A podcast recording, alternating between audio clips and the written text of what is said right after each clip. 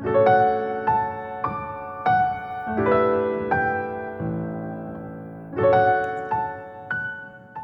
kekasih Tuhan, di mana pun Anda berada, kita berjumpa lagi dalam Kencan dengan Tuhan, edisi hari Minggu, 8 Januari 2023. Dalam Kencan kita kali ini, kita akan merenungkan surat Rasul Paulus kepada jemaat di Filipi, bab 3 ayat 13 dan 14. Saudara-saudara, aku sendiri tidak menganggap bahwa aku telah menangkapnya, tetapi ini yang kulakukan. Aku melupakan apa yang telah di belakangku dan mengarahkan diri kepada apa yang di hadapanku, dan berlari-lari kepada tujuan untuk memperoleh hadiah yaitu panggilan surgawi dari Allah dalam Kristus Yesus.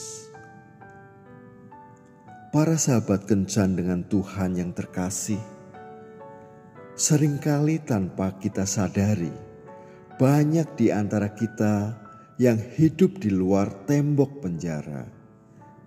Kita bebas secara fisik, namun terpenjara dalam hati dan pikiran kita. Ada tembok kegagalan yang terus mengurung kita.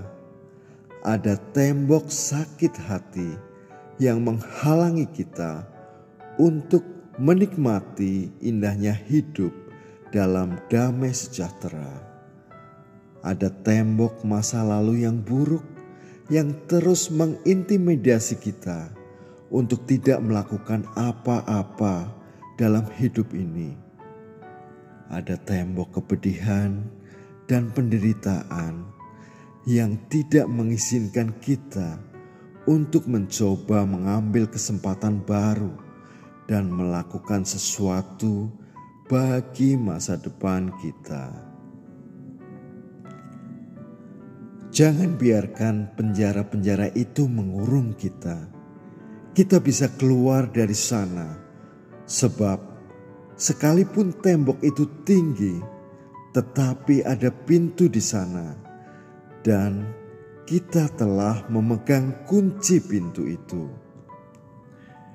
Bukalah pintu itu dengan berkata, "Aku mau mengampuni, aku mau melupakan apa yang di belakang."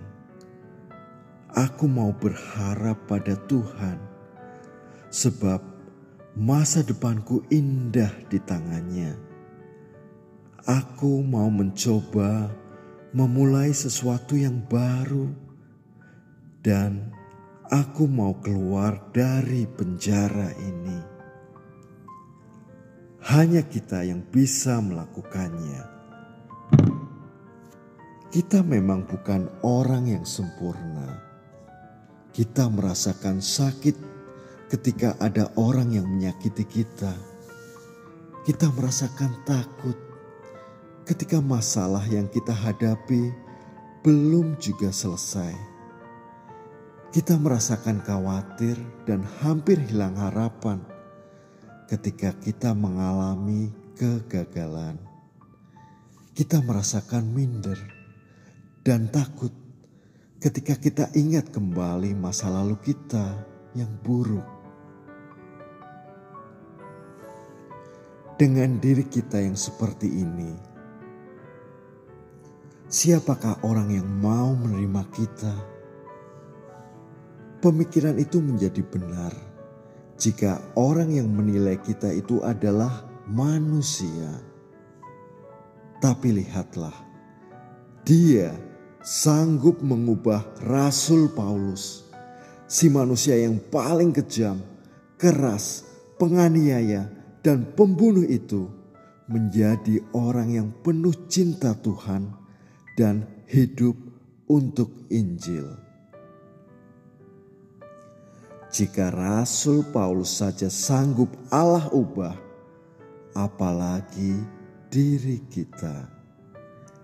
Ia memberi jalan keluar untuk persoalan kita. Tidak ada yang mustahil bagi Tuhan. Bagaimana caranya? Lupakan semua yang ada di belakang kita, kegagalan, masa lalu. Ampuni orang-orang yang sudah menyakiti kita. Arahkan diri kita dan berlalirah kepada apa yang di hadapan kita. Maka Allah akan mengubah hidup kita. Itulah yang dilakukan oleh Rasul Paulus. Tuhan Yesus memberkati. Marilah kita berdoa. Tuhan Yesus, penuhlah aku dengan roh kudusmu, agar aku dapat keluar dari penjara masa lalu yang selama ini mengikatku yaitu dendam, kemarahan, kekecewaan, dan kegagalan.